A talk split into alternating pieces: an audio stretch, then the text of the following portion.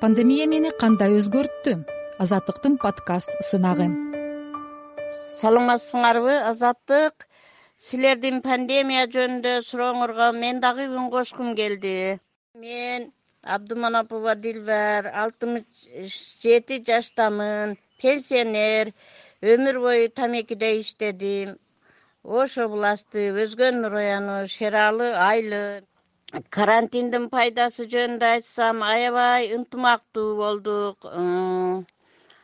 Кошуналар менен башкалар менен ынтымакчылыкты байкадым. Адамдар бири бирине кайрымдуу болушту. Өлүм ушунчалык адамга жакын бутуңда оролошуп жүрөрүн билишти.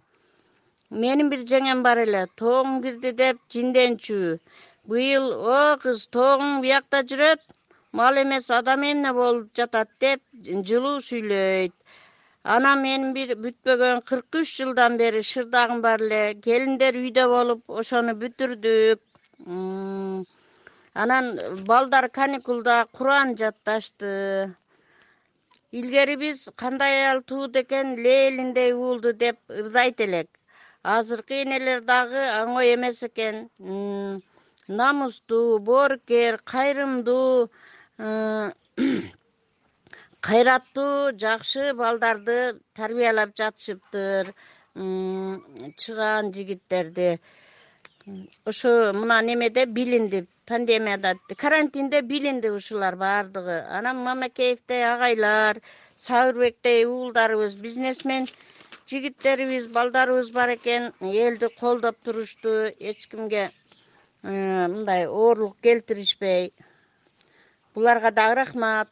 Анан зыяны болсо аябай көп болду. Элдин баары оорушту турсунбайдай бүбүкандай чубактай чыгаан адамдарыбыздан айрылдык. Көп медицина кызматкерлери адинайдай мекенчил кыздарыбызды жоготтук. Эмне дейбиз? Өткөндөргө э, жаткан жери жай топурагы торко болсун деп ичибизди ачышып куран окугандан башка эч нерсе кыла албадык кыргыз элине каалаганым баардыгы эсен болсун мындан кийин оору суркоо болбосун тынччылык болсун жадырап жайнап ар дайым алтын баштар аман болуп эсен жүрүшсүн демекмин укканыңарга рахмат. Пандемия мени кандай өзгөрттү? Азаттыктын подкаст сынагы